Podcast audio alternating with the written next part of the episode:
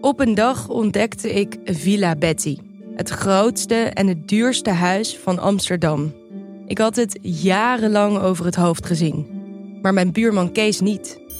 Hij ziet hoe zijn buurvrouw Betty op haar honderdste uit de villa wordt gezet. En al haar spullen op een openbare veiling worden verkocht.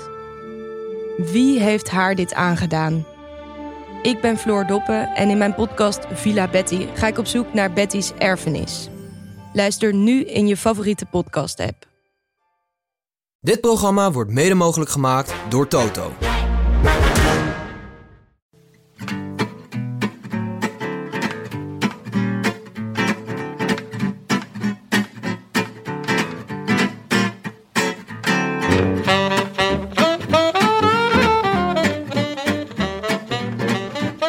Het is vrijdagmiddag 13 juli. De zon schijnt, het gras is geel evenals mijn orangina.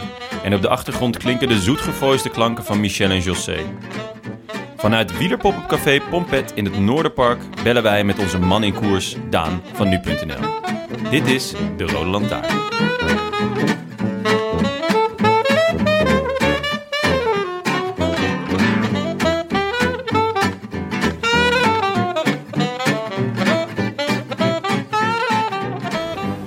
Yes, Eh, Daan. Spreek ik met Daan? Ja, ik ben er. Lekker, lekker. Jonne hier van de Rode Lantaarn. Goedemiddag. Ja, hi, hoe is het? Eh, ja, prima. Het, is- het is, het is toch best een enerverende eerste tourweek to- tot nu toe voor ja, een week die meestal toch wat qua klassement niet zo heel spannend is. Maar er is toch best wel wat gebeurd de afgelopen week eigenlijk al. Dus ja, Ja, het is dat altijd weer waanzin, hè, die eerste week. Het is, eh, ik heb het woord gekkenhuis al heel vaak gehoord. Of super crazy, zoals eh, Simon Geske gisteren in zijn mooie Duitse accent zei. Ehm, eh, dus ja, dat, nou ja dat is, zoals Dylan Groenewegen altijd zegt, het is elke dag hectisch in de Tour. Dat heb ik al twintig keer gehoord, denk ik. En daar valt ook geen spel tussen te krijgen. Maar dat zorgt wel voor, voor wat, voor wat meer inspiratie voor verhalen, zal ik maar zeggen. Ja, dat is wel lekker voor jou. Wa- waar zit je nu? Nou, ik zit nu in de lo- lokale. Ja, wat zal het zijn? Ik zie handbaldoeltjes. Dus de lokale sportzaal van Chartres. Eh, als je op de achtergrond wat bestek hoort, dan komt dat omdat hier het eh, persbuffet is. Eh, Het klinkt Zit- buitengewoon glamorous. ja, dat is, het is zeer glamorous. Nou, ik moet zeggen, het persbuffet is wel echt vooruit gegaan ten opzichte van f- afgelopen jaren, wat mij betreft. En vandaag Oh, hadden ze vertel. zelfs, nou, vandaag hadden ze zelfs tafels gedekt en zo. Nou ja, ik weet nog, eh, bij de eerste tour was dat geloof ik twee jaar geleden. Toen eh finishte, finishten we ergens in België. Was het eh, Luik geloof ik, of was het vorig jaar? Nou ja, dan was, bestond het persbuffet bestond uit een wafel. En dat was het. En, Een Luikse wafel? ja, dat waarschijnlijk wel, nog. Maar ze wel vers. En je kon natuurlijk bier bij krijgen. Maar goed, ja, dat vind ik altijd, daar heb ik nooit zo heel erg behoefte aan, moet ik zeggen, als ik nog moet werken. Dus, eh, en hier eh, tot nu toe eh, eigenlijk elke dag uitgebreide buffetten. En ik kijk nu uit op natuurlijk in het geel gedekte tafels met wijnglazen en collega's die nog aan het eten zijn. En ik moet zeggen, het was weer uitstekend vandaag. Nice. Mooi ook in het geel, dus ze blijven in thema. Ja, de, de, de table, of hoe heet het, de tafelkleed, ik wou het in het Engels zeggen. Het tafelkleed is hier natuurlijk in het geel, ja. Oké, klasse, klasse. hey, vertel, je eerste week. Hoe was het? Gekke, gekkenhuis dus?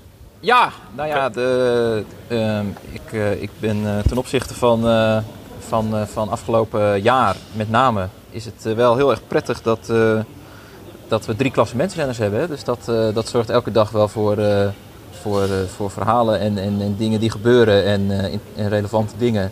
Plus natuurlijk nog Dylan Groenewegen die in de sprintetappes meedoet. Eh, ja, we hebben natuurlijk al eh, Kruiswijk, Steven Kruiswijk is al twee keer gevallen. Eh, nou ja, dan hebben we natuurlijk allemaal gezien wat er met Tom Dumoulin gebeurd is. 11 van zijn 16 eh spaken in zijn voorwiel braken, hoorde ik vanochtend. Was uiteindelijk, Elf? was uiteindelijk de final, zoals Geske ook alweer zei in zijn mooie Duitse accent. ja, sorry, ik, ik kan het niet heel goed nadoen, maar it was a miracle dat, dat hij niet viel. Dus ja, wat dat betreft was het eigenlijk nog een klein gelukje bij een ongeluk. Maar ja, het is natuurlijk wel zonde, want hij had een hele mooie marge opgebouwd op eigenlijk bijna al zijn concurrenten. En eh, ja, ja, gezien wat er nog eh, komen gaat en gezien dat Dumoulin eh, natuurlijk uit de Giro komt, was dat wel een hele mooie buffer.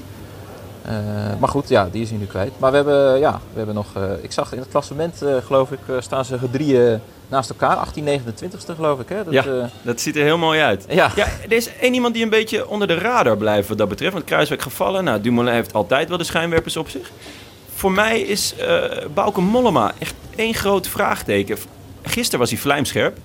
Hoe, uh, heb jij hem gesproken nog? Ik heb hem zeker al een aantal keer gesproken. Hij, hij is nu zeer tevreden over, over zijn vorm en, en terecht. Maar ja, dat past natuurlijk ook wel. Ik bedoel, dat hoort natuurlijk ook wel bij Bauke Mollema, hè, dat hij een beetje onder de radar blijft. Hij is, niet, hij is een nuchtere Groninger. ik kom zelf uit Drenthe, dus ik kan daar enigszins ik kan dat wel, ik kan dat wel begrijpen hoe dat werkt. Maar maar bijvoorbeeld ja, donderdag na de etappe waarin hij uh, zevende werd op de muur de Bretagne. Toen, uh, ja, toen uh, was hij heel blij. goed gevoel en zo. Maar in de volgende zin was het ook direct... ja, dit zegt natuurlijk nog niet alles. Hè, want korte klim, dat zegt niks over hoe ik in het Hooggebergte ga klimmen. En... En de, ja, ik moet nog wel een paar mensen voorbij en zo goed. ik bedoel, 18e, dat is nog niet waar ik het voor doe. En nou ja, enzovoort. Dus hij bleef nog, uh, hij bleef nog bescheiden, zoals het uh, bij Bauke Mollema hoort. Maar uh, ja, het is toch wel bijzonder, hè? want Bauke Mollema was aangetrokken door Trek. Twee jaar geleden was hij de kopman. Nou ja, toen deed hij het heel goed, totdat hij in de laatste dagen van de Tour viel en echt wegviel, wegduikend in het klassement, terwijl hij op het podiumplek stond. Ja, dat was ongelukkig. Toen, toen was hij eigenlijk de enige die Froome kon volgen samen met Poort. Precies, de, nou ja, de beelden op de Alpe en zo. In, in die tweede week. Ja, die waren genieten, hè? Ja, nou ja, ik kan me nog heel goed herinneren dat uh, persdag, persmoment op de, op de laatste rustdag, dus met nog een week te gaan eigenlijk. Ja, dat was uh, nou ja, de drukste Toen stond hij tweede? Toen stond hij, ja, toen stond hij op tweede of derde inderdaad. Uh, tweede geloof ik inderdaad. En ja, zeer druk bezochte persconferentie. Waarschijnlijk de meest druk bezochte persconferentie van, van Bauke Mollema ooit. Maar ja, toen, toen, toen viel hij weg. Nou ja, vorig jaar moest hij natuurlijk ja, eigenlijk plaatsmaken voor de grote Alberto Contador. Uh, die was toen de kopman en hij won natuurlijk een rit. Hè. Dat was natuurlijk, maar ja, hij, zei toen al, ik wil, ik wil gewoon voor het klassement gaan. Maar ja, eh, bij Trek weten ze, ja, ze hebben, eigenlijk werd tijdens deze Tour, volgens mij eh, een paar dagen geleden bekend, via Cycling News, dat eigenlijk wat de geruchten al langer zijn, dat Richie Poort, die zit natuurlijk bij BMC, is nu kopman, maar dat heeft maar zeer de vraag of dat doorgaat. En Richie Poort zou nu al rond zijn met Trek. Uh, ja, uh, dus uh, misschien is Mollema volgend jaar weer niet de grote man bij, bij Trek. Maar ja, Bauke Mollema is, hij werd ook door Cycling News volgens mij omschreven als de altijd zeer degelijke. Ja, je kunt van hem op aan. Hij, hij, gaat, niet, hij gaat niet opeens 25 worden, ja, behalve als hij valt. Maar als hij gewoon, als hem niks overkomt, dan, dan kun je er wel redelijk van op, uitgaan, op aangaan dat hij in de top 10 eindigt. Ik geloof zijn laatste zeven grote rondes altijd in de top 11 en zo. Ja, hij is super constant. Alleen die uitschieter ontbreekt. Hij is nog nooit in de top 5 geëindigd in de Tour. Wel een keer in de Vuelta geloof ik, vierde. Toen hij lang ook in de, in de leiderstrui een eh, tijdje reed. Maar ja, die uitschieter top 5. Ja, voor de Tour vroeg ik hem ook van... Wordt het niet een keer tijd? Uh, uh, of wil je, zou je niet een keer echt die top 5 willen halen? Maar ja, hè? zoals het bij Bauke Mollema dan past... is het antwoord nou ja, het hoeft niet per se elke ronde beter. Ik wil gewoon mijn beste uh, prestatie enzovoort. Nou, je kent de clichés wel. hij, uh, hij, uh, ja, hij, hij, zal niet zo gauw uitspreken. Ehm, ik heb het nog ook even gecheckt bij zijn ploeggenoot, Koen de Kort. Die is Brabander. Die is een stuk extra wetter, zal ik maar zeggen. en die zei ook tegen ons... Ja, ik, ik zou heel goed kunnen begrijpen als een keer top 5 wil eindigen. Maar dat zegt hij niet naar, tegen ons ook niet. Niet tegen zijn ploeggenoten. En zeker niet naar de buitenwereld. Maar goed, ja, op dit moment ja, laat, laat Bauke Mollema maar schuiven, zou ik bijna zeggen. Op dit moment gaat het gewoon heel goed. Goed om te horen. Hey, um, en dan wou ik eigenlijk ook nog weten hoe... Uh, want, uh, toch wel de meest besproken man, denk ik. Uh, of meest geziene man de eerste week. Peter Sagan. Ja, hoe, Peter, ja. Hoe, hoe gaat dat in zijn werk? Hoe, hoe beweegt hij zich door, door het peloton, uh, achter de schermen? Is hij echt zo relaxed zoals iedereen maar continu zegt? Voelt hij echt helemaal geen druk? Ja, eigenlijk zou, uh, ik zei dat vorig jaar al een keer in de Tour tegen wat collega's. Eigenlijk zouden al die persconferenties van Sagan, als hij de gele trui heeft of uh, wie de gele trui heeft of wie de rit wint, die geeft altijd een persconferentie die uitgezonden wordt op tv-schermen in de perszaal, zodat iedereen kan ja. meeluisteren. En uh, eigenlijk uh, zouden ze die gewoon integraal moeten uitzenden. Want uh, vaak is dat spannendere tv dan, dan, dan zo'n dan zo'n sprintrit. Dat is altijd genieten. Eh, ja, de Ja, man vertel. Die, nou ja, de man die, eh, die, die zit er zelf ook te genieten. De helft van de tijd zit hij, hij heeft, ik weet niet, ja, de, de wielerliefhebbers die zullen het wel kennen. Dat, dat, ja, dat, dat hinneken eigenlijk een beetje, dat, dat lachje van hem. Als hij iets leuk vindt, dan eh grinnikt hij. Ja. Het is een beetje hinneken altijd. Nou ja, dat is eigenlijk na elk antwoord. En eh, ja, dat Engels van hem is natuurlijk ook eh, eh, ja, wel eh, grappig om altijd naar te luisteren. En ja, hij geeft inderdaad antwoorden die, eh, eh, ja, die onafvolgbaar zijn, die anderen niet maken. Hij zei, eh, hij won, op een zondag won hij zijn eerste rit. Hè, eh, na die grote valpartij sprint hij naar de rit. En toen, eh, toen was het twee dagen later, geloof ik. Ja, want het was de eerste ploegentijdrit. Toen dinsdag eh, was hij, eh, was hij eh, een stuk minder. Eh, Ja. en, en toen vroeg, eh, wat is het verschil? Toen was, eh, toen was zijn antwoord, ja, het is niet elke dag zondag. Nou ja, dat soort, dat soort antwoorden, dat, dat heeft geen enkele andere wielrenner. En Ja, sowieso... ik, ik, ik hoorde in de podcast van Ten Dam.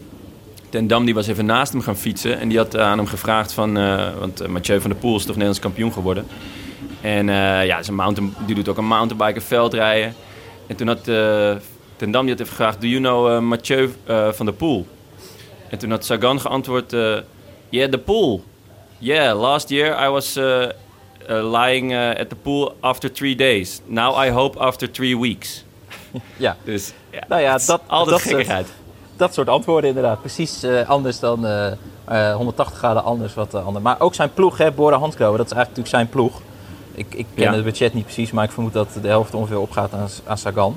Eh, er staat ook altijd een, eh, eh, een, ja, een soort kartonnen Sagan staat altijd bij de bus.